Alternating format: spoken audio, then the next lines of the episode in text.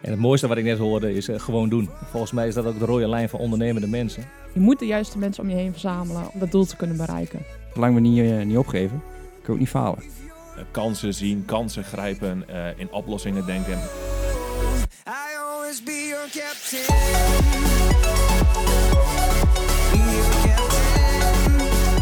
Eumer, het, eh, het is weer vrijdag en wij hebben weer twee best wel bijzondere gasten bij ons in de We studio. hebben super toffe gasten. Dames en heren, welkom bij deze podcast over samen ondernemen. Ondertussen aflevering 9 alweer, Ja, hè? nummer 9. Nummer Zeker. 9. Ik ben Eumer. Ik ben Nicole. Vincent Jansen. Tom Hoog Ventrink. Gerrit van het Oever.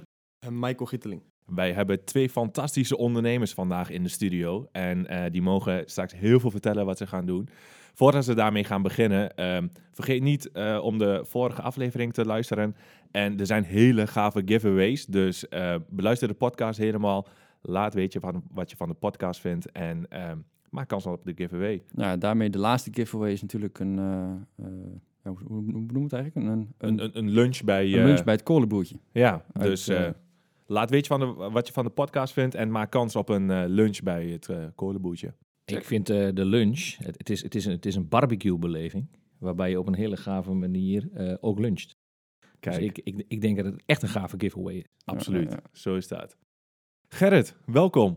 Ja, Wil je vertellen wie je bent, wat je doet en eh, waarom je eigenlijk zit? eh, mijn naam Gerrit van het Oever. Ik ben eh, 57, woonachtig in eh Boekelo.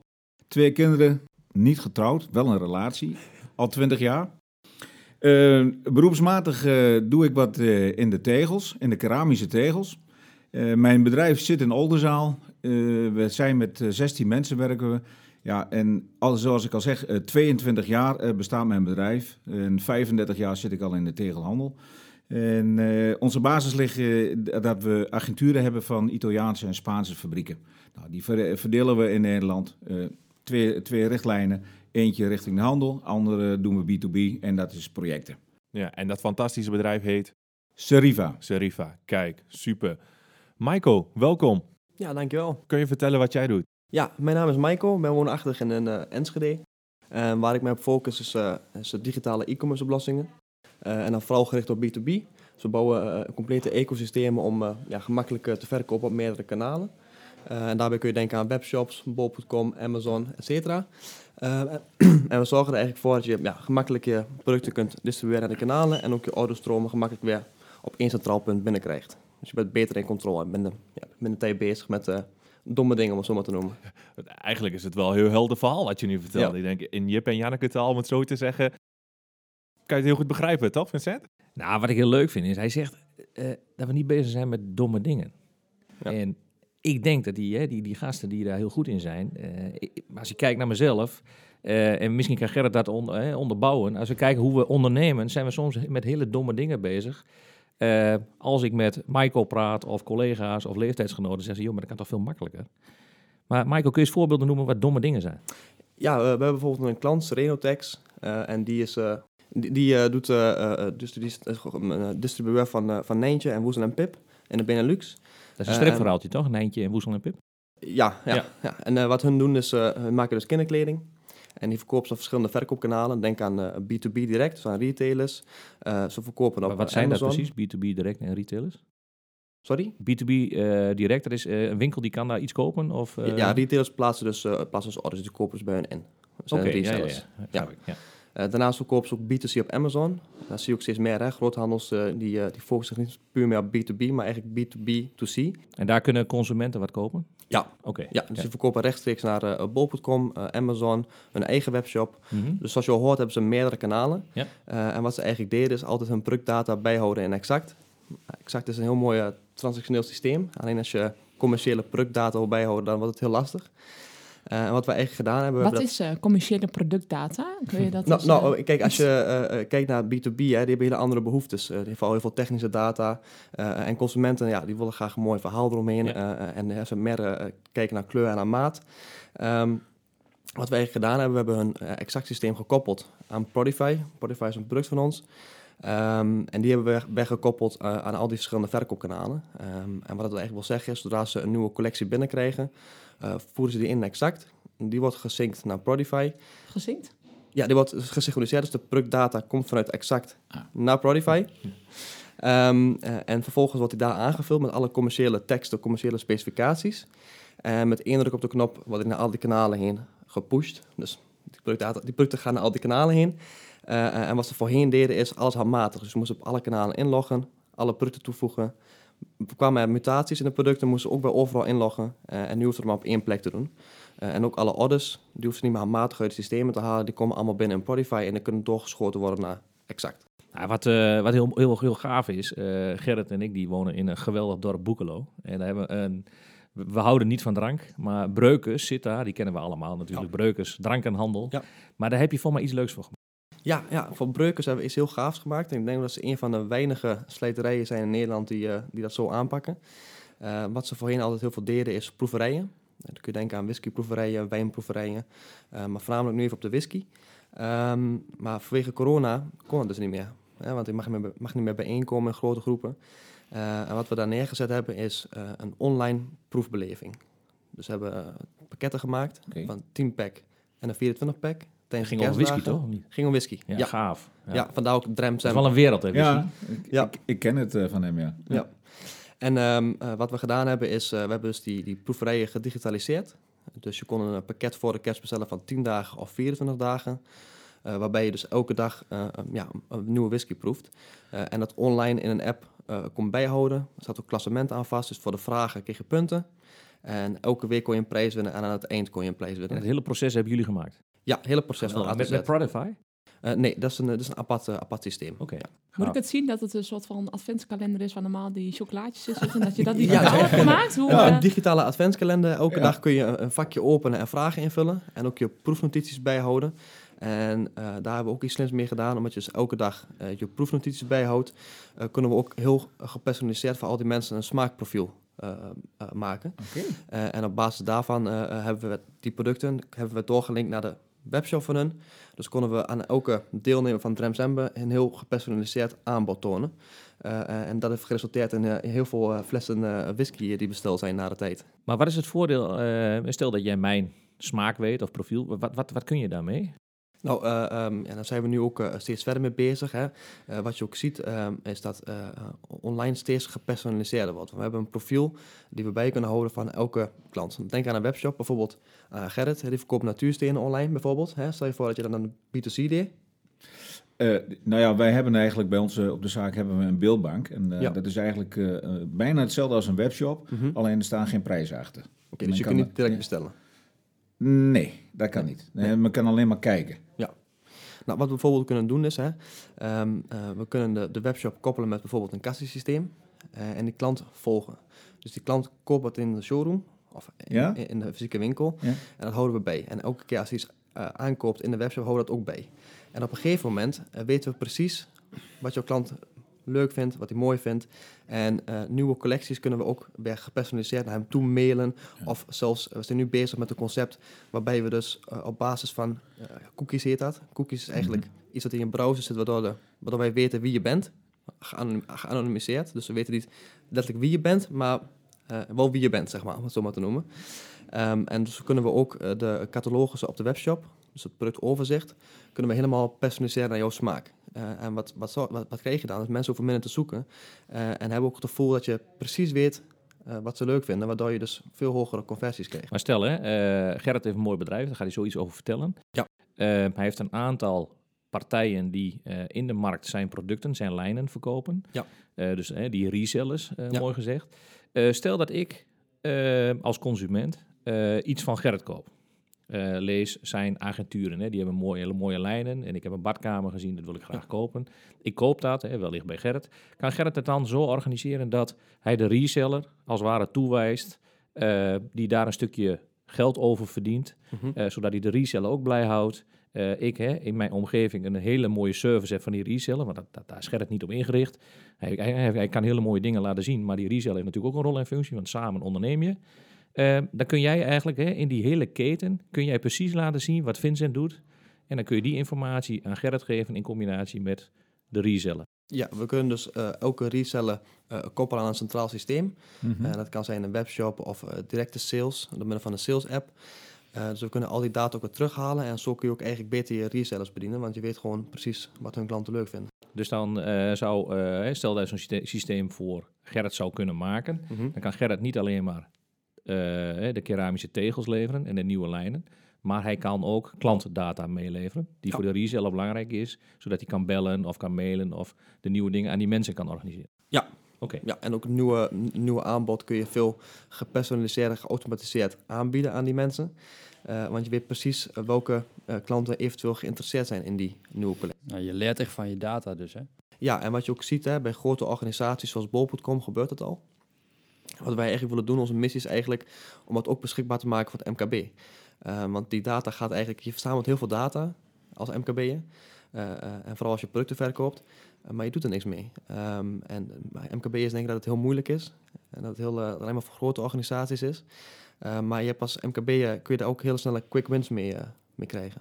Daar hangt natuurlijk ook een kostenplaatje aan, sorry. Eh, en ik bedoel, of je nou bol.com eh, praat, Mhm. die hebben natuurlijk een, eh, een veel groter budget om, om dit te doen. Uiteraard, ze leven ervan. Mhm. Maar een MKB'er, die, die denkt natuurlijk anders. En Mhm. die, denkt, die is natuurlijk kleinschalig, is micro-economie natuurlijk. Ja. Dus daar hangt een kostenplaatje aan. Ja, de, eigenlijk, de mythe is eigenlijk dat, het, dat de MKB'ers denken dat het heel duur is. Ehm, eh, en als je dat maat laat maken, is dat ook zo. Eh, die heeft allemaal eigen mensen in dienst, eh, eigen IT-partijen. Eh, en eh, eh, kijk, wat wij echt proberen te doen is een centraal systeem op basis van licentie, dus SaaS, zoals het heet, Software as a Service, waarbij we dus heel veel MKB'ers tegelijk kunnen bedienen op een gestandardiseerd platform. Dus dan heb je eigenlijk de kosten heel laag. Oké. Eh, dus voor, voor, voor hè, tussen de 100 en 300 euro per maand heb je het al ingericht. Wat normaal eh, ja, tienduizenden euro's zal Mm. kosten bij, bij een bol. Dit is wel een taboe en een mythe die jij mooi doorbreekt. Eh, Ja. Ik wist dat ook niet. Hè? Als je kijkt, eh, ik, ik snap precies wat, eh, wat, wat, wat Gerrit bedoelt. Ja. En we hebben allemaal eh, in de afgelopen vijf of tien jaar wel een soort van scheur in, in, in de broek op basis van of een iets te dure marketingcampagne of een iets te dure zogenaamde softwareoplossing. Ik zeg niet dat de partijen verkeerd waren, maar hè, als ik naar mezelf kijk, ik wist het niet.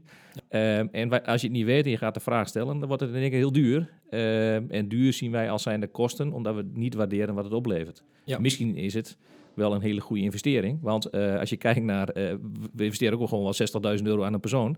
En daar nemen we er ook wel jaarlijks een paar van aan. Ja. Ehm, en ik ben altijd heel erg geïnteresseerd in, eh, eh, ik vind het niet erg om geld uit te geven. Als het maar een investering is. Maar als ik de investering niet begrijp, zie ik het als gauw als kosten. Ja. En die uitleg is wel heel belangrijk. Want je vertelt nu hele mooie dingen. Ja. Eh, maar in het begin van het gesprek zei jij, ik doe iets met een app en een softwareoplossing. En nu ga ik, word ik geïnteresseerd en denk, hey, dus ik kan met jouw idee geld verdienen. Ja, dat is ook een beetje de, ja, de bias die gecreëerd is. Hè.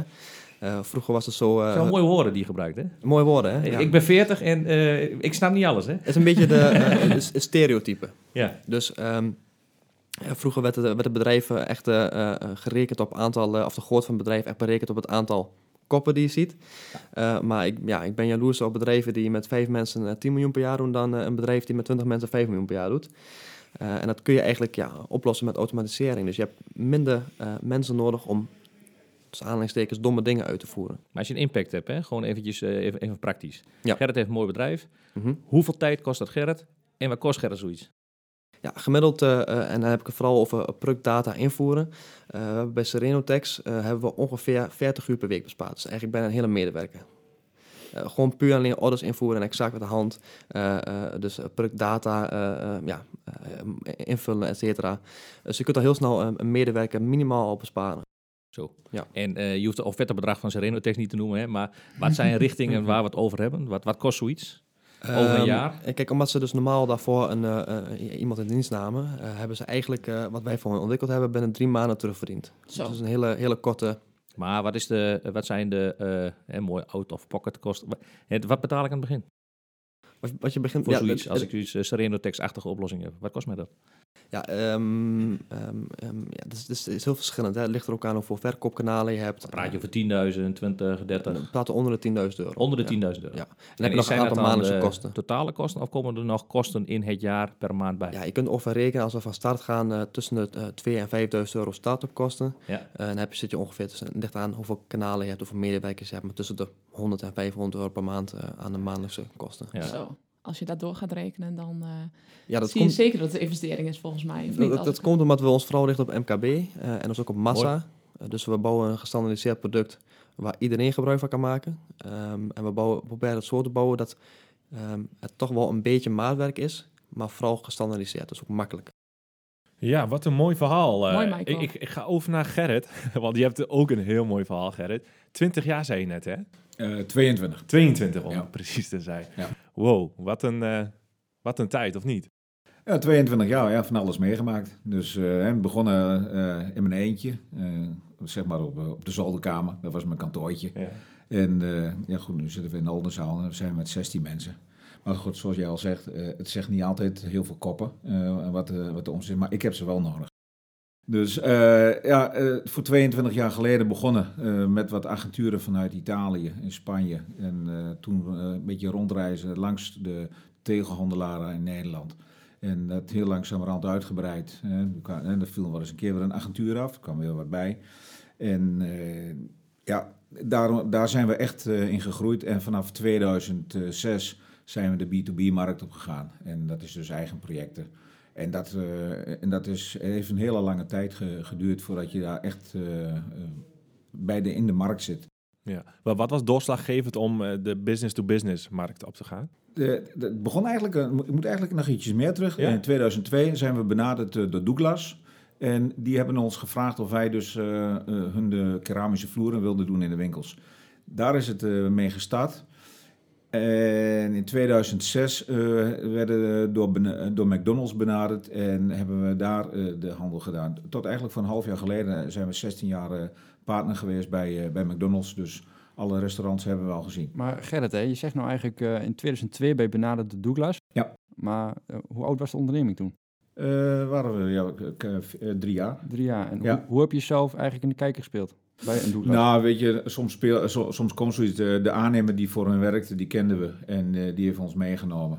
Dus, eh, en eh, we waren eigenlijk op dat moment, we, we speelden wel drie jaar al wat op de viool, maar we waren wel een beetje een onbekende partij natuurlijk in Nederland. Ja, ja. En in die drie jaar zat niet meer op de zolderkamer. Toen was Nee, er, waar zat je toen- toen? Eh, toen zaten we in, eh, in Enschede aan de Hoge Landsingel, hadden we een, eh, een klein kantoortje. En hadden we een garagebox waar onze materiaal, onze panelen in stonden. En toen waren we denk ik met z'n twee, nee met z'n drieën waren we al. Ja, en vandaar zijn we verhuisd in Enschede naar de Midzomerweg met een kantoor. En hadden we het magazijn bij Kuipers Transport hier in Oldenzaal. En ja, sinds 2012 eh, verhuisd met, met het geel naar, naar waar we nu zitten aan de Textielstraat in Oldenzaal. En waarschijnlijk volgend jaar ergens anders in Oldenzaal. Mooi, hè? De groei en ambitie, eh, Gerrit. Ja. Maar als je kijkt, hè, eh, wat is jouw geheim, Gerrit? Ja, dat hou ik geheim. Wat kan je weggeven van ja, je? sorry. Dat was een inkopper hoor. nee, nee mijn, eh, mijn geheim is, ik, ik denk gewoon, dat heeft toch ook wel een beetje te maken met onze Twentse nuchterheid. We- we- als we door heel Nederland komen, dan zien, zien we toch heel makkelijk dat, eh, dat ze onze Twentse nuchterheid eh, eh, wel accepteren en dat ze dat wel oké vinden. We zijn toch ook in het begin wel een beetje altijd kat uit de boom kijk eh, types. Dus, maar ik denk dat Twentse nuchterheid wel een, wel een basis is voor ons. En wat, wat ik als mijn geheim is, ik probeer altijd nieuwe dingen te ontdekken. Ik zie altijd mogelijkheden. Kijk, eh, eh, ik zit natuurlijk in de bouwwereld. En als je ziet eh, dat we vanaf 2010 echt een flinke crisis hebben gehad in, in de bouw. En dat heeft ongeveer gelopen tot en met 2015. Wij zijn juist in die jaren zijn wij, zijn wij gegroeid. Omdat je ziet altijd wel mogelijkheden. Weet je, de markt was niet nul. We hebben 40% hebben we ingeleverd in, in, een, in een recordtempo van anderhalf jaar ongeveer. Maar het was niet nul. Dus er zijn mogelijkheden. Als ik als, eh, als ondernemer naar jou kijk, eh, vind ik jou wel opvallen in die markt. Eh, vanuit de Twentse nuchterheid zou je zeggen, ja, valt wel mee. Eh, ik voetbal niet elke, elke dag de wedstrijd in jullie omgeving, hè, dus ik kijk naar jullie. En ik kijk naar, hè, plat gezegd, in Twents meerdere tegel, tegelboerenzaken, organisaties, hè, met respect voor al die goede ondernemers. Maar ik vind jullie vooral geen handelshuisje.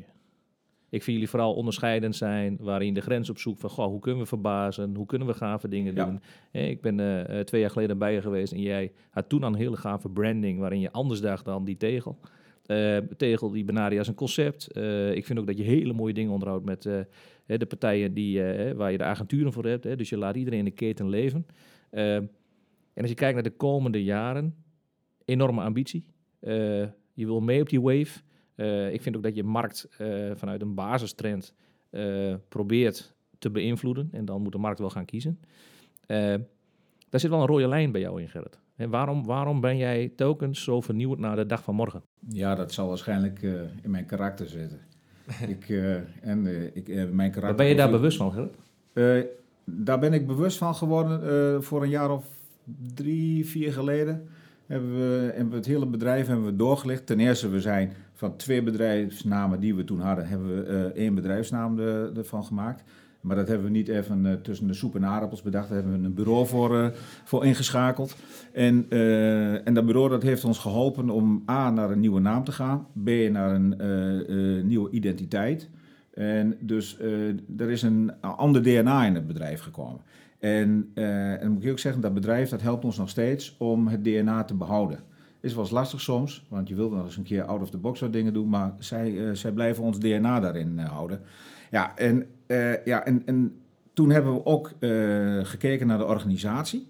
En ik heb iedereen in het bedrijf heb ik toen een, een karakterprofieltest laten doen. En ik weet niet of je het kent, hè? kleuren, geel, rood, blauw, groen. Disc. Goed zo, hè? Knettergeel. Ja, eh, nou ja, je zegt het al. Ik was, eh, ik was kanariegeel. Dus eh, ja, en kanariegeel betekent dus dat je gewoon altijd nieuwe dingen probeert te doen. En altijd mogelijkheden ziet. Creatief is natuurlijk het toverwoord wat er in geel zit. Ja, en ook wel wat rood, maar heel slecht in blauw. Ik bedoel, iemand die blauw is, die kijkt van, joh, als we 100 euro investeren, dan wil hij gewoon weten of hij de 115 euro uit kan halen. Ja, weet je, ik zeg gewoon, eh, we investeren 100 euro, ja, en ik zie wel of we er 115 van maken. En dat is eh, toch als je echt eh, heel veel geel in je, in je Is dat misschien niet jouw geheim, Gerrit, wat je nu vertelt? Dat hebt. jij zegt, ik ja, stop dat zou 100 kunnen. euro in en ik zie wel wat er gebeurt. Ja, maar wel natuurlijk altijd in je organisatie wel wat mensen hebben die, die op de rem trappen.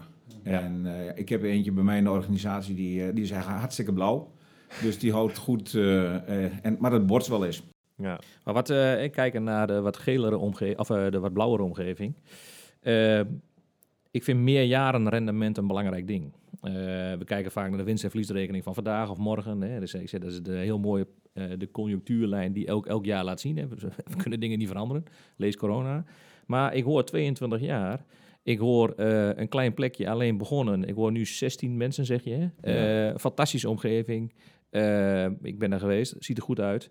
Eh, moet groter. Wens van groter. Lukt ook. Eh, volgens mij heel veel rendement gebouwd in de volle vitale onderdelen van het bedrijf. Daar hebben we het niet vaak over hè, met de ondernemer.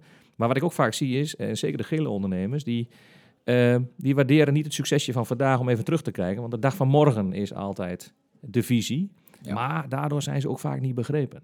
Alleen de waarde over die volledige lijn, als we hem waarderen, zit daar enorm veel waarde in, dat, in datgene waar je gebouwd hebt, Gerrit. Ja, dat klopt. Ja. Weet je, eh jij zegt het wel goed. eh, eh, ik kijk altijd vooruit. En, en dat is wel eens lastig om dan terug te kijken. Maar goed, dat doe, je, dat doe ik nu wel heel veel. Dat doe ik met name de laatste drie, vier jaar. En, en hoe kijk je dan terug? Ja, cijfers kijk je op terug. Eh, ik kijk nog niet zozeer terug op waar we hebben gezeten. Maar ik kijk dan eh, echt op basis van, eh, van cijfers eh, kijk ik terug. En dat heb ik moeten leren. Eh, ik denk dat een jaar of vier, vijf geleden ja, deed ik eigenlijk alles op onderbuikgevoel. En eh, ja, joh, ik wist soms helemaal niet wat, eh, wat het uiteindelijke resultaat was. En dan zat ik eh, in maart zat ik bij de accountant en denk oh, oh, we hebben toch een aardig resultaat gedaan. ja, weet je. Maar Trek een dat is flesje dus wijn maar los. Verrassing. Hè? Je trekt een flesje wijn maar los. Ja, En waarom Ja, toch dus- die eh, switch eh, drie, vier jaar geleden dat je zegt, nou ik ga nu wel eh, eh, naar die cijfers kijken? Want, eh, Ja, weet je, dan, dan word je zo groot en dan besef je natuurlijk wel dat je als je ondernemer bent, dat je toch ook wel even eh, goed naar je zaak moet kijken. En, dat, eh, dus, en dan stuur je op een gegeven moment toch wel op cijfers. Maar dan moet je leren. En dat En als- niet in mij. en als we dan helemaal, want je zegt je kijkt niet zo vaak terug, maar 22 jaar geleden ben je begonnen. Ja. Waarom ben je begonnen? En je zat al wel een beetje in de Eh, branche, gaf je aan, maar waarom voor jezelf? Nou, ik, eh, om even dan heel kort eh, daarvoor te doen. Ik heb eh, bij een viertal bedrijven heb ik gewerkt. En, en met name bij het laatste bedrijf, die, die deden in agenturen ook. waar ik later dan in begonnen ben. Ja, Kun je daar iets, eh, ietsjes mee over vertellen? Wat Nou ja, weet je, ag- een agentschap is natuurlijk een, eh, een, een bedrijf die een tussenpersoon is tussen de producent. En voor mijn geval is dat eh, dus een Italiaanse of een Spaanse tegelfabriek, dus een producerende fabriek. En, en, en de klanten in Nederland. En de klanten in Nederland kunnen zijn tegelgroothandelaren, het kunnen zijn bouwmaterialenhandelaren, maar ook de wat kleinere tegelhandel. Dus daar probeer je materialen vanuit Italië, die probeer je daar te verkopen. In, een, eh, in ons geval is het vaak dat we dus bij de- deze gasten een, eh, een showroom moeten inrichten. Eh, materialen worden verkocht, worden gekocht in Italië, wordt naar Nederland gebracht. Krijgen factuur, factuur wordt betaald en wij als agent krijgen dan provisie. Nou, dat is het voor die model van een agentschap. Ja, en, en, zo, eh, en ik werkte toen eh, voor, een, eh, voor een agentschap hier in, in Enschede. Alleen, mijn toenmalige baas, die was 25 jaar ouder dan ik ben. Ik had een andere manier en een denkwijze om de markt op te gaan. Ja, en we kregen een conflict of interest en we gingen uit elkaar. En toen dacht ik, goh, ik kan, kan wederom voor een bedrijf gaan werken of ik doe het voor mezelf. Nou, heb ik voor het laatste gekozen. En dat was op 1 april 99, geen geintje. Hij was gelijk in die fase, maar dat, dat vind ik echt prachtig aan, eh aan in dit geval. Als je bij jou binnenkomt, het is een echt het is een beleving. Maar aan de andere kant ben je ook een groothandel. En een groothandel ken ik aan Ja. stalen schappen, eh Hmm. betonnen vloer en eh, vooraan de kassa. Nou, we hebben natuurlijk ons bedrijf de laatste 10, 11 jaar, en dat heeft met name de bouwcrisis veroorzaakt, hebben we, eh, zijn we anders gaan denken. Tenminste, ik ben anders gaan denken. Voor de crisis deden we heel veel de dingen eh, via de groothandelaren. En die verdeelden het in Nederland eh, over de tegelhandelaren, zeg maar de papa-mama winkels. Alleen, eh, toen kwam de crisis en met onze materialen ehm, vond de groothandel eigenlijk dat we iets eh, te duur waren waarschijnlijk. Ja, of ze wilden zelf geen marge inleveren. Maar in ieder geval, wij zagen dat, eh, dat het naar beneden ging. En toen hebben we gedacht van, joh, of we wachten tot de crisis voorbij is en de groothandel pikt het weer van ons op. Ja, of we gaan zelf de markt eh, opzoeken en we gaan naar de klanten van de groothandel toe. En daar hebben we voor gekozen. Alleen, dan kom je wel in een, eh, in, een probleem. Want eh, die mensen die moeten dan wat bestellen in Italië. Nou, eh, eh, taalbarrière vaak. Hè. Ze weten niet wat ze, wat ze daarmee moeten doen. Plus, ze moeten zelf eigenlijk de goederen laden. Eh, Ze moeten zelf transporteren. Ja, dat zijn wel twee obstakels. Nou, en die hebben we eh uit handen, eh, die hebben wij opgepakt. En ze, we hebben gezegd van, joh, stuur de orders bij ons in. Wij vertalen het naar de fabriek en we krijgen het terug. En we, eh, en, we zeggen van wanneer het geladen kan worden. En het tweede ding, het transport, hebben wij ook voor hen opgepakt. Dus wij laden elke week, laden we voor vele klanten, laden we vanuit Italië mee. Stel, sterker nog, we brengen het tegenwoordig nog tot hun eindklant, brengen we het op de stoep. Dus hoeven eigenlijk, als je het dan goed beschouwt, ja, zijn wij eigenlijk ook een groothandel geworden. Alleen onze magazijnen staan in eh, Italië en Spanje. Hoeveel vierkante meter heb je in 22 jaar verkocht? Poeh. Van hier naar Italië? Eh, ik, ik denk dat we, even denken wel, ik denk dat we zo'n 100.000 meter per jaar doen. Nee, meer. Ja, nee, dat, dat klopt wel. Meer, de, 2 miljoen meter. ja, nee, ik denk wel meer. Ja, ik, is ik wel- denk wel meer. Wat een, wat een succes zeg. Gerrit. Hoeveel voetbalvelden eh, zijn dat? Ligt ligt er een groot veld is. hey, maar als je kijkt, hè, eh, aannemerij, bouwwereld, eh, iedereen die vindt er wat van. eh, enorm druk. eh, ze maken mooie dingen, soms ook niet. Maar ik denk dat die omgeving eh, de komende jaren nog wel voor een uitdaging gaat staan. Want eh, we, we kijken even naar de overkant, hè, naar Maiko. Ik denk zelf dat we het vak in aannemerij, eh, dus het kunnen bouwen, eh, ontzettend goed kunnen. Maar het vak ondernemen, eh, ook in de richting van de digitale omgeving, ja, dat is voor die wereld nog wel een beetje prehistorie.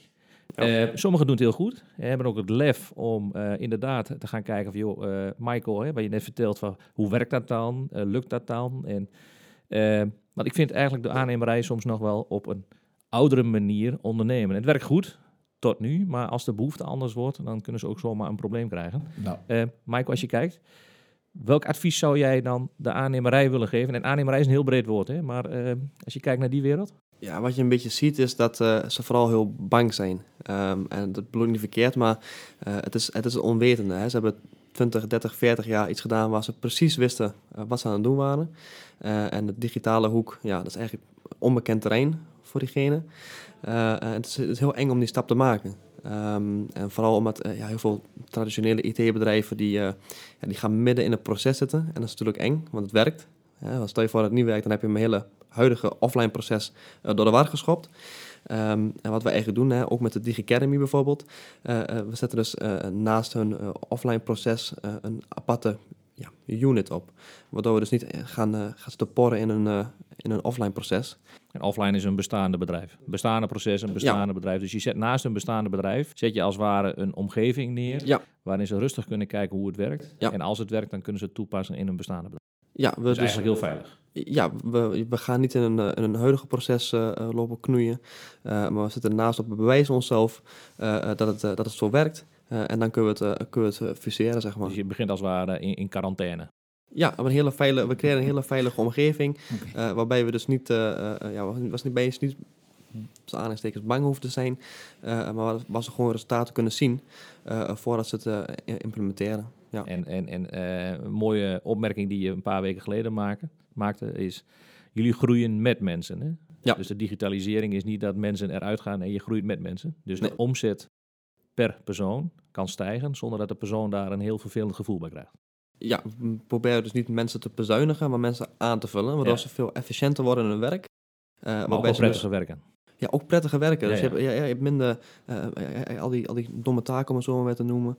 Daar ben je zo mee bezig. Je hebt ook veel meer, veel meer ruimte om nieuwe dingen te ontdekken. leuker. Ja, wat leuk. Je hebt meer tijd over. Het is niet zo dat we tijd willen besparen, maar we willen die, mensen juist meer tijd geven. Waardoor je dus ja, werkelijk focussen op de groei van je onderneming in plaats van... Ja, Dat ze bezig kunnen zijn met leuke dingen. ja, Ja, Ja, dat maar ik- zijn hele leuke dingen, Maiko, wat je Ja, vertelt. ik- tenminste, Maiko en ik hebben natuurlijk wel een mooi raakvlak. Ja. Ehm, ook kijkend, eh, wat Vincent ook terecht aangaf, net die aannemerij. Eh, ja, dat is vrij, nou, echt wel bang voor digitalisering. Is, is onze indruk als het ware. Als je begint over... Nou, ik denk niet dat eh, de aannemerij eh, bang is.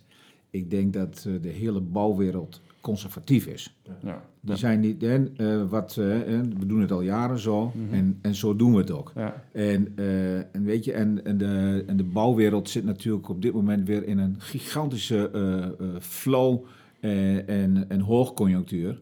Omdat er natuurlijk eh, zoveel dingen nog gebouwd moeten worden in Nederland. Eigenlijk gaat het net als voor, eh, eh, eh, als je bekijkt voor 2009, hè, voordat, de, voordat de, de bouwcrisis begon. Het gaat eigenlijk allemaal weer automatisch.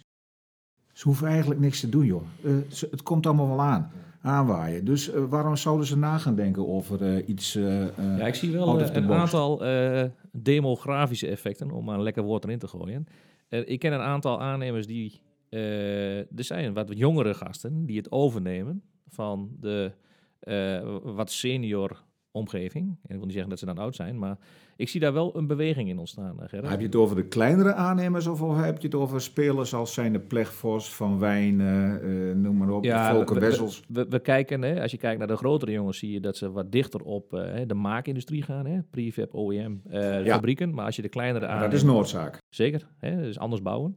Eh, zijn goed in systemen, hè? andere Ja. systemen ontwikkelen. Dat vind ik een Ja. grote aannemerij heel mooi in. Duurzaamheid, een toverwoord, fantastisch. Innovatie, Ja. ja. Precies. Dus ze, ze volgen daar heel erg de, de beleidsvraagstukken, ook vanuit de overheid. Eh, nou, krachtig. Eh, die grote partijen die sluiten krachten samen door, ook met elkaar. Een beetje vanuit de auto-industrie, eh, eh, eh, OEM, dus is, de, de fabricage van eh, mooie nieuwe systemen te maken.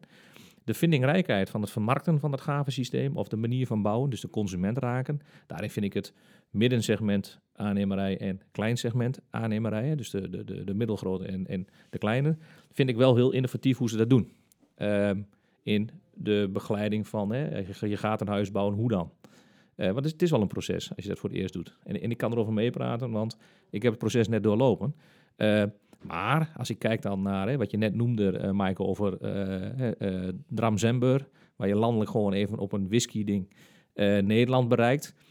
Consument is consument en heeft behoeften. En wat ik niet goed vind aan een aannemerij is, je bouwt een kunstje, iets met ruwbouw, iets met afbouw, maar er is niet een keten die mij de komende vijf jaar gaat begeleiden in mijn behoeften die ik heb. Want ja, ik heb, eh, eh, we zijn nu in de afbouw bezig. Ik heb straks iets met een tuin. En over vijf jaar, hè, we weten het, eh, dan ga ik misschien wel weer wat veranderen.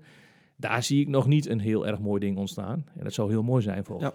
Dus eigenlijk ik vind echt wat jij ook aangeeft, misschien een behoefte om eh, een totaalpakket aan te bieden. Ja, vooral ook Waarom ga je de consument, hè, wat, wat ik leuk vind aan, aan het verhaal net van Michael, waarom ga je die consument niet volgen op zijn wensen, behoeften en eh, een lifetime ten aanzien van je woning en je omgeving. Ja, eh, we veranderen in deze wereld nog wel eens een kleurtje hier, een kleurtje daar. Dat huis Ja. eh, gaat de komende 30 jaar misschien wel 10 keer veranderd worden. Nou, hoe, waarom ga je mensen daar niet in, in, eh, in begeleiden? En die initiatieven, mensen die daarmee bezig zijn, ik denk dat het daarin eh, eh, alles rondom de bouw, hè, dus niet alleen de aannemer, maar alles rondom de bouw, die kunnen daar door dit soort systemen volgens mij vele malen handiger in zijn, dat ze de consument beter kunnen bedienen vanuit die behoeften. Ik wil echt nog even inhaken op Gerrit.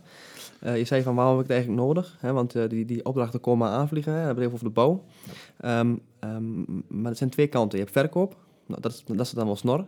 Eh, alleen dan moet je het ook nog allemaal aankunnen. Eh en als je heel veel ja, ouderwetse processen hebt en heel veel handmatig werk hebt. Kijk, die processen, daar kunnen we juist op, op winnen. Want eh, kijk, je, kunt dan, je hebt dan heel veel opdrachten aan de voorkant. Maar hoe meer we automatiseren aan de achterkant, en dat kan steeds meer, hoe meer je van die opdracht ook tegelijkertijd kunt verwerken. Dus je bent veel efficiënter. Het rendement. Het, het rendement. Michael, is het Ja. misschien mooi om even een voorbeeld te geven wat binnen aannemerij zou kunnen. Ja. Heel even een vraag. Mhm. Praat je nu over eh, het, eh, een, een CRM-systeem en een ERP-systeem? Want ik bedoel, als toch een aannemerij dat goed voor elkaar heeft, dan kunnen ze ook al snelle dingen doen. Ja. Ik bedoel, het CRM-systeem eh, begint natuurlijk ooit dat je een offerte moet maken en dan, Mhm. en dan wordt het op een gegeven moment verkocht. En, Ja. en, en dan moet au- automatisch ook gaan, overgaan naar het ERP-systeem. Maar ik denk dat daar ook heel veel bouwbedrijven nog eh, eh, te langzame systemen waarschijnlijk in hebben. Ja, exoten, exotische oude ERP-systemen, maar dat niet alleen. Eh, ehm, ehm, bijvoorbeeld ook eh, bijvoorbeeld automatisch PDF's uitlezen vanuit de e-mail. Dus je hoeft niet meer handmatig in het ERP-systeem te kloppen. Eh, eh, dus je kunt gelijk vanuit de mail lezen we die PDF uit, schieten we het in. Eh, en dat scheelt je ook super veel tijd. Eh, en, en, en daarnaast eh, eh, ook, eh, eh, wat Vincent net zei, klantrelatie. Hè? Als, ik een, eh, als ik een makelaar ben en ik, eh, eh, of een aannemer en ik verkoop een huis. eh, kijk, die, die mensen weten precies hoe de sector werkt. Dus wanneer heb ik eh, bijvoorbeeld een nieuw dak nodig? Of wanneer heb ik dit nieuw nodig? Of dit nieuw nodig? Kijk, omdat we het bijhouden, en je houdt het wel bij in een CRM. Alleen je moet dan handmatig gaan kijken van, oké, die klant zou dit misschien nu nodig hebben. Maar als je die dingen al weet, hè, die business rules, om het zo maar te noemen. Eh, dan kunnen we dat op een hele slimme manier, eh, eh, in plaats van dat jij het opzoekt, vertelt die software jou van, oké, Piet heeft er misschien dit nodig, bel Piet eens op. Maar dan bouw je een ping in, zeg maar, bijvoorbeeld. En ik dan na een drie jaar gewoon, oké, Ja. ping, deze meneer is misschien een, een nieuw, eh, eh, nieuw dak nodig of zo. Ja, even een concreet voorbeeld. Ik ben niet zo thuis in een makelaarij, eh, maar bijvoorbeeld een computerwinkel. Ik koop een computer, ik weet ongeveer, bijvoorbeeld aan, aan de zakelijke markt, zo'n computer gaat misschien drie of tot vijf jaar mee. Ehm, eh, heel veel van die, van die huidige klanten worden vergeten. Maar wat nou als jij eh, die klant het volgende kunt zeggen? Je krijgt een e-mail, je hebt een computer gekocht, of eh, meerdere computers, vier, vijf computers bij een, eh, een computerspeciaalzaak. En na vier jaar krijg je een mail. beste Gerrit, je hebt toen deze, deze computers gekocht met deze en deze beeldschermen. We, we, we, we hebben op dit moment deze nieuwe beeldschermen in de aanbieding en we kunnen je korting geven. En dan weet je, oké, diegene weet nog van vier, vijf jaar geleden dat ik dat toen gekocht heb. En die biedt mij nu eens nieuws aan waar ik wel geïnteresseerd in ben, ook tegen korting. Dus dan ben je echt proactief bezig. Je, je wacht niet tot die klanten bij jou komen, maar je, je, je, je herinnert eigenlijk die klant van, oké, ik ben er nog. Snap ik. Je zou er zelfs nog zoiets aan kunnen eh, koppelen. Dat eh, als je eh, in, eerste instantie het, het beeldscherm en dergelijke aan die klant verkoopt. En dat je zegt van, nou, oké, na vijf jaar bieden we je iets nieuws aan. Maar we nemen de oude beeldschermen terug. En je krijgt daar nog iets eh, voor terug. Ja. En dat eh, betekent ook een, eh, goed circulair werken. Ja. Dus eh, duurzaamheid uiteraard weer. Nou, dat zou je ook in, in kunnen bouwen natuurlijk. Als je kijkt naar eh, businessmodellen, eh, ik heb een aantal van dit soort bedrijven gezien, waarin we op een andere manier eh, contact houden met de klant. Eh, het maximale uit de klant halen in de looptijd van je product. Hè? Want eh, ik zeg, als je een pakje boter hebt, moet je na, eh, een week een nieuw pakje boter kopen. Dat is voor sommige producten wat langer. Hè? Dat kan zijn drie of vijf of zes jaar. Maar als je de herhalingsaankoop kunt managen door het systeem te laten vertellen van joh, nu moet daar een berichtje naartoe. Het berichtje al geautomatiseerd uiteindelijk ergens staat met de juiste fotografie, met de juiste berichtgeving. Dus je doet dat hè, per doelgroep heel goed. Dan heb je het hier over getallen. Als je kijkt naar de gemiddelde omzet per sales, toen we vroeger in het oude model verkoper hadden, was 250.000 euro. Dat was een goed getal. Die gaan nu al richting de 3,5 ton tot 5 ton per persoon. Nou, reken door wat dat aan rendement is, onderaan de streep. Ja. Als je kijkt naar rendement en winstgevendheid voor die organisatie. Dus je bent enorme waardecreatie bezig. Als je een aantal zaken digitaliseert, dan wel automatiseert, maar niet vergeet persoonlijk te blijven. Want dat doe je. Je wordt nog veel persoonlijker. Want mensen kunnen al die, eh, die, die trajecten niet onthouden. Wij vergeten, hè, als ik over drie jaar iets moet doen, ben ik vergeten.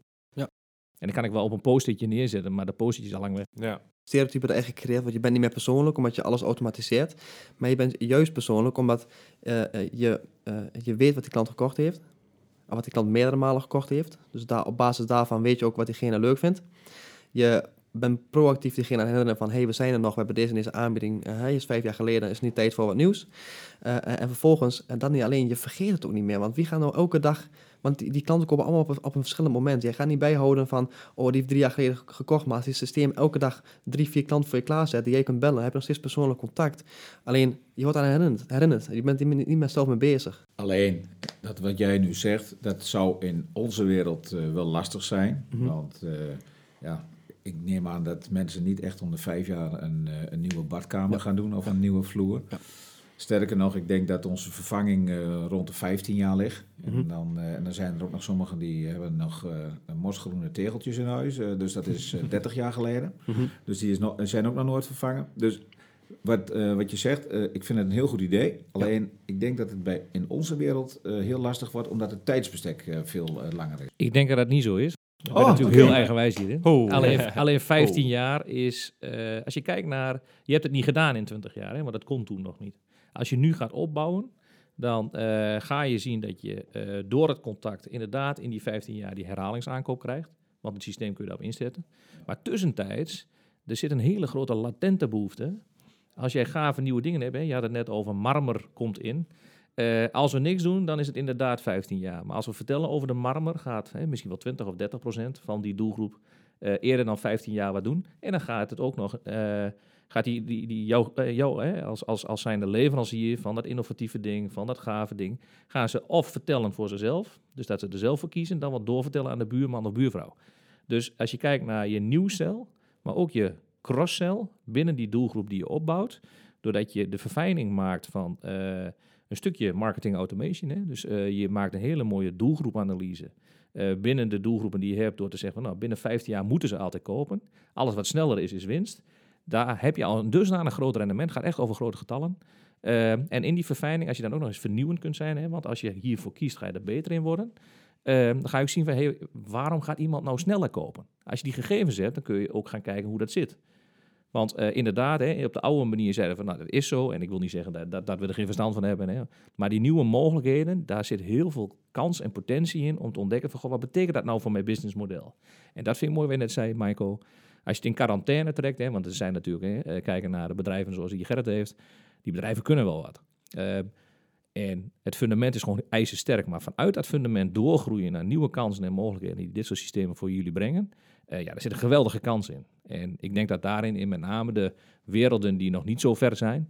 ICT is natuurlijk vaak heel ver, omdat het daar geboren is. Eh, maar voor de werelden waar het wellicht vernieuwend is, is het het ontdekken waard. Ja, eh, het is niet zo dat we zeggen dat, je, dat ze niks kunnen. Alleen we willen ze gewoon heel graag helpen en heel graag laten zien wat er dan allemaal mogelijk is, zonder dat hun bestaande proces aangetast wordt. Dus we laten gewoon aan de zijkant het weer eens op. We laten zien, we bewijzen onszelf. Eh, want dan, hè, eh, eh, met eigen, je moet het zien met eigen, eigen ogen, anders geloof je het niet. Dus, op- dus op die manier, ja. Ja, en het mooiste wat je aangeeft is, ik, ik, het is bijna dat ik het hier verkoop, maar ik sta er zelf zo achter. Je gaat vele malen, hè, stel dat je 20 jaar verder kijkt voor jouw bedrijf, Gerrit. En, en wat daar dan ook in met het bedrijf gebeurt. Hè. Maar je rendement wat je eruit haalt, tussen 20 jaar geleden nu en het doorzetten in 20 jaar, waar je ook hè, naast het vak tegels ook een systeem bouwt die eh, uiteindelijk hè, het bedrijf faciliteert met het maximale halen uit jouw klanten. Hè, dus eh, jouw markt, er zijn klanten en misschien ook wel straks nieuwe klanten. Daar zitten zulke ongekende getallen op rendement in. Dat weten we bijna niet. Dan wordt een investering eh, wordt ook echt een investering. En wat ik mooi vind is, ik heb geen verstand van systemen. Maar als jij mij in quarantaine gewoon hè, simuleert voor mijn bedrijf hoe het zit... en je laat me dat twee maanden zien... dan is het voor mij gewoon... ge- Dat zijn het gegevens waar ik zeg van... hé, maar dat wil ik hebben. ja. En ik heb nog even een vraag aan Gerrit. Eh, je verkoopt toen het natuurstenen, eh, maar doe je ook bijvoorbeeld accessoires daaromheen voor de badkamer? Nee, eh, ik moet je trouwens heel even eh, verbeteren. Wij, wij doen niet in eh, natuurstenen. Want een, eh, een natuurstenen zijn dus producten die, zoals het al zegt, eh, uit de natuur worden gehaald. Dus uit groeves. En dan Mhm. blokken en dan gezaagd. Eh, Mhm. Wij doen een eh, keramisch product. En dat is een gemaakt eh, product. Plat gezegd, een bak klei. Daarop een beetje glazuur met een design. En gaat de oven in. En, en het komt er aan de andere kant fantastisch uit. Ja, dus heb, het is een gemaakt product. ik heb er natuurlijk geen verstand van. Nee, waar, daarom. waar, waar Maar ik wel verstand van heb is, is digitalisering. Ja. Maar hoe mooi het zou zijn, je zit eigenlijk op een berg goud van data. Want je weet precies Ja. welke, noem maar even, armaturen. Of, Nee, maar goed, dus wij, wij doen alleen maar in dat soort producten. Maar Ja. voor de rest doen wij dus niets in, in, in producten die eh, verder met de badkamer te maken hebben. Ja. Kranen, eh, drains, eh, wasbak, toiletten. Dat doen wij dus niet. Puur het product tegels. Ja, maar stel je voor, hypothetisch gezien, hè, je weet precies welke kleuren of welke stijl diegene heeft in een badkamer. Ja. Hypothetisch gezien, stel je voor dat je een partnerschap sluit met mensen die kraan of bedrijven die kranen verkopen, of eh, de rest van de badkamer. Je weet precies eh, welke eh, kleuren diegene heeft. Dus je kunt ook heel gericht aan diegene ook accessoires na over een aantal maanden aanbieden. Omdat je precies weet hoe die badkamer eruit ziet aan de buitenkant, of aan de binnenkant bedoel ik, de muren. Dat snap ik. Alleen daar zijn toch in de markt zijn er andere aanbieders voor. En eh, die, ik denk dat die al heel, ver, heel erg ver ook in, de, in deze branche zijn. Mhm. Ook in het digitaliseren. Ja, weet je, ik heb geleerd, eh, schoenmaker blijft bij je leest. eh, en dat is mijn filosofie. Dus eh, ik, ik, ik snap het, ik, ik zie het ook zitten wa- wat je zegt. Alleen, eh, ik zou het bij mij, in mijn bedrijf, niet eh, zo snel inbouwen. Wat, wat zou je lastig vinden, Gerrit? Nou weet je, dan moet je, dan moet je ook in dingen gaan verdiepen eh, die je eigenlijk niet kent. Hè. Er zitten, kijk nou eens naar kranen bijvoorbeeld in de, in de badkamer. Dat zijn toch ook technische dingen. Moet je wel weten. Je moet de inkoopkanalen weten. Je, je moet weten hoe soms dingen lopen in, in die branche. Ja, en daar heb ik, daar heb ik echt geen kaas van gegeven. Uiteraard kun je natuurlijk altijd mensen binnenhalen die daar verstand van hebben. Ja. Maar laat ik zo zeggen, eh, mijn focus blijft echt op eh, mijn materialen die ik nu heb. En, en daar wil ik, en da- daar wil ik, om even onder te onderbreken, Mhm. daar wil ik wel naar een hoger platform naartoe. En ik begrijp heel goed dat eh, dit soort processen waar, waar jij mee bezig bent, dat dat een hele goede ondersteuning kan zijn Ja. voor, Ja. voor de markt. Nogmaals terug te komen, onze markt is echt van in de basis heel erg conservatief. Ja, Mhm. helemaal mee eens. Ehm, een vraag aan jou, Gerrit, om eh, terug te komen op ondernemerschap. Want je Ja. bent ondertussen 22 jaar, ehm, Ja. mag ik zeggen, succesvol? Hier, hier komt de, de Twentse nuchterheid naar boven. Ja. Ja. je bent zeker succesvol, Gerrit. Bescheidenheid. Ja, die Ja, bestaat. nee, ja. ik denk het wel. 22 jaar succesvol ondernemer. Ja, wat een tijd, 20 jaar. En heb je ooit in die 20 22 jaar tijd gedacht van... ik wil nu even geen ondernemer zijn? Ja. ja. Wil je daar iets over vertellen? Oh ja, zeker. Het was 2005. Weet je, mijn, eh, mijn basis was altijd dus de agenturen. Ja. Dus dat betekent altijd het tussenpersoon zijn van. Alleen, eh, het is, eh, je bent dan toch met Italiaanse bedrijven bezig. En wat ne 90% eh, doen wij uit Italië. En je heb je ook daarmee te maken met die industrie die eigenlijk helemaal geconcentreerd is in één gebied. Dus ons kent ons heel veel daar in die industrie. En eh, toen had ik het fenomeen dat ik een nieuwe area manager kreeg bij mijn grootste fabriek. En die, had, eh, die kende toch wel een paar andere mensen in Nederland. Hè? Dus eh, andere agenten, collega's van mij. Nou, en eh, ik, ik voelde er wel aankomen. Na een half jaar eh, ja, kreeg ik het eh, ontslag. Ja. En, en dan heb je een contract of niet. Ze doen je nog een beetje geld mee. En, eh, en ik was de helft van mijn omzet kwijt. En toen dacht ik van, wil ik nog zo ondernemen Ja. of ga ik het anders doen? Ja. En toen ben ik het anders gaan doen. Toen heb ik de fabrieken namelijk eh, afhankelijk eh, gemaakt van mijzelf. En dus dat, dat we zelf ook zijn gaan inkopen. Ja. En eh, dus zelf ook klant werden bij de fabriek. En ik denk dat ik bij de meeste fabrieken eh, ondertussen de grootste klant ben. Ja. Weet je, ze kunnen me nog steeds op diezelfde manier zouden ze me kunnen ontslaan. Alleen dan gooien ze ook meteen de grootste klant weg. Ja. En klant worden bij zo'n fabriek is, dan ga je zelf inkopen. Ja, maar dat was dus eigenlijk eh, eh, puur in die, in die tijd voor de projecten. En, eh, en ondertussen zijn we zelf ook gaan collectioneren. En we zijn eigenlijk heel, heel voorzichtig zijn we aan het opstarten om eh, ook toch die eigen groothandel te worden. Hier, fysiek in Nederland. En, eh, en met eigen collecties. Maar we hebben het net even over klanten, hè Gerrit? Uiteraard Ja. ben je nu klant bij eh, leveranciers. Ja. Ehm, maar jouw klanten. Ehm, ik weet toevallig, je, hebt- je hebt echt wel een paar grote, Ja. grote ketens, grote merken mogen voorzien van, van tegels in dat geval. Eh, McDonald's en Douglas. eh, Ja. Nou, we kunnen zo wel even doorgaan. Ja. Hoe bereik jij, of wat heeft eh, het gebracht dat die klanten bij jou komen? Uiteraard is dat via via gegaan, maar toch moeten ze overtuigd zijn, weet je? Dat, dat, dat is wel een lang proces geweest. Uiteraard waren dat, dat soort bedrijven, zoals je net noemde, waren wel de basis voor ons. Alleen in 2008 eh, zijn we zelf dus de markt opgegaan. Om dus, waar begint de keten vaak in een bouwproces? Dat is bij een architect. En, eh, een- je hebt een architect natuurlijk voor, een, eh, voor het gebouw, maar je hebt ook eh, binnenhuisarchitecten. Nou, en die markt zijn wij gaan benaderen vanaf 2008. Alleen, je, je bent als nieuwkomer op die markt en die architect, A, het was 2008, nog volop werk, dus die hadden nooit geen tijd. En, en, en als ze dan tijd hebben, dan moet je nog maar kijken of ze je willen accepteren en je materialen willen gebruiken en eh, je materialen voorschrijven in een project. Nou weet je, en dan kom je in een, en wij zitten in de afbouw, dus we zitten ook achteraan in, de, in, het, eh, in, in, in het bouwproces. Dus de eerste drie, vier jaar heeft het eh, weinig opgebracht. Dus eh, dat, eh, dat was wel eens een eh, lastig. Alleen, wij zijn de, eh, de architecten heel veel gaan benaderen via eh, beurzen. Met bijzondere producten. Ja, mooi. Toch wel. Als je kijkt eh, aan de overkant, Maiko, eh, ik vond het een hele goede vraag. Hè? Van, van eh, ondernemen, eh, wat maakt jou als ondernemer? Wat was voor jou de keuze om ondernemer te worden? Ja, eigenlijk eh, vooral de vrijheid. Hè? Mijn mijn eigen, ik ben heel, ja, ook wel knarigeel als Gerrit. dus het is, ik ben ook wel heel Af en zo blauw is een tientje, maar Ja, ik heb ook bij, bij andere softwarebedrijven gewerkt, maar ik, ik merkte gewoon dat ik mijn, eh, mijn creativiteit niet... Ja, ander- ik heb een beetje een andere visie dan de gemiddelde ja, softwareondernemer. Ehm, eh, en ik, ik, kon, ik kon mijn creativiteit niet vrijden. Dus ik heb gewoon ja, eigenlijk een diepe, een diepe sprong in het diepe genomen. En ik ben op de een of andere dag heb ik me gewoon ontslag genomen en een maand later heb ik mijn eigen bedrijf opgezet. Eh, eh, en dat is, eh, dat is een hele grote gok geweest, maar ik ben blij dat ik die gok gemaakt heb. Dan ben je wel eh, ondernemer. Ja, En Eume stelde net ook eh, heel mooi de vraag van aan Gerrit van... eh, nou, had je, heb je ook wel eens momenten gehad dat je het niet wou? Heb jij dat al gehad? nee, eigenlijk nog niet. Ik ben nu eh, drie jaar onderweg. Eh, nee, ik zit nog vol in het... eh, Ja. Ja. en net, net kwam je een hele eigenwijze Gerrit tegen. Hè? Eh, Is niet voor mij interessant en zo. Wat doet dat met jou als jonge ondernemer? Ja, het is, eh, het, is, het is af en toe wel, wel heel erg lastig om, eh, om, om, om ja, vooral eh, met alle respect naar Gerrit, oudere ondernemers, hè, ervaren ondernemers.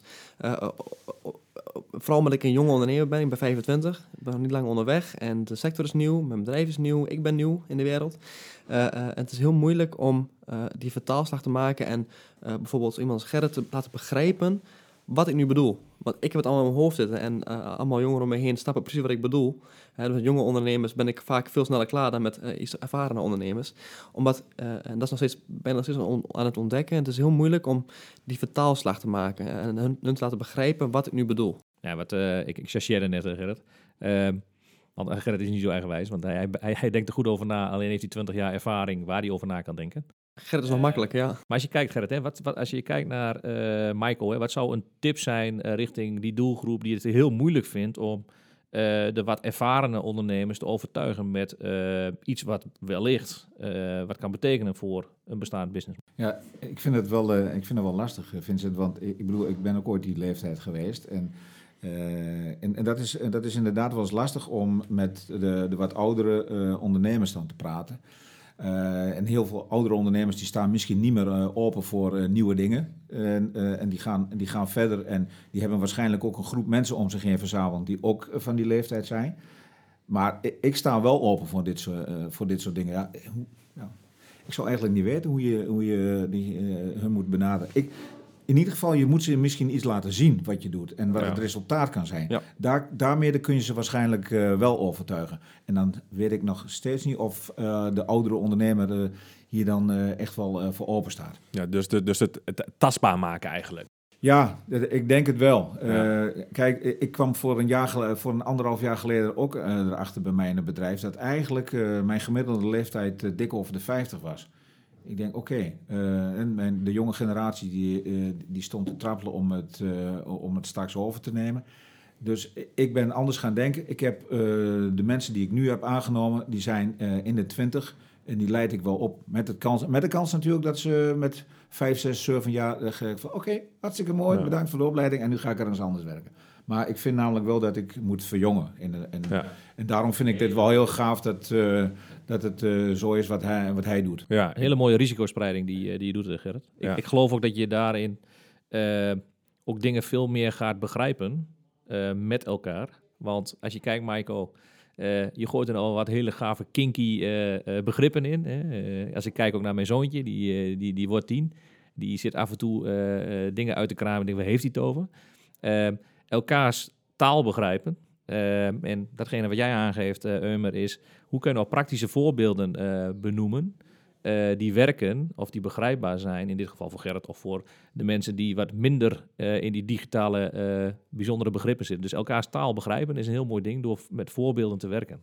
En dan gaat iemand ook vanuit die gedachte een afweging maken en geeft dan ook mensen daar wel de tijd voor. een afweging maken van, is het wat voor mij of niet? Wat kan het opleveren voor Ja. degene, hè? Dat zei Gerrit heel mooi. Je, je, Ja. je moet het ons wel laten zien Ja. namelijk. Ja. hè, want eh, ja, met alle respect, eh, ik ben 57, maar ik ben niet opgegroeid met deze wereld. En dat is, was er in één keer voor 20 jaar geleden, kwam het er in één keer. Ja. Ja. Eigenlijk is dit een hele mooie praktische tip van jou, Gerrit, eh, voor onze luisteraars. Moet ook een einde aanbreien. Ja. Hebben nog eh, meerdere praktische tips voor mensen die ehm, ondernemer zijn, eh, ondernemer willen worden? Onder, ja, Nou ja, weet, weet je, dan kijk ik naar mezelf. eh, eh, luister, naar je, eh, luister naar jezelf eh, en pak het onderbuikgevoel. Eh, dat vind ik wel een hele belangrijke. Maar soms misschien ook bij twijfel niet inhalen. oké. Michael, dezelfde vraag? Ja, vooral eh, lef hebben, risico's nemen, eh, eh, gewoon doen. eh, eh, eh, ja, en maak er wat moois van. Ja, Wel of niet over de vluchtstrook. Falen is niets erg. Als je niet faalt, leer je ook niet. ja helemaal mee eens. Ja. Ik denk dat het een hele mooie Ja, afsluiter zeker. is. Zeker. Ehm, nogmaals, vergeet niet te abonneren op Spotify en Apple Podcasts en alle andere platformen. Eh, laat weten wat je van eh, de aflevering vindt. En tot de volgende keer. Ja, that's it. Gerrit bedankt. Michael bedankt. En eh, op naar de volgende. Tot de volgende keer.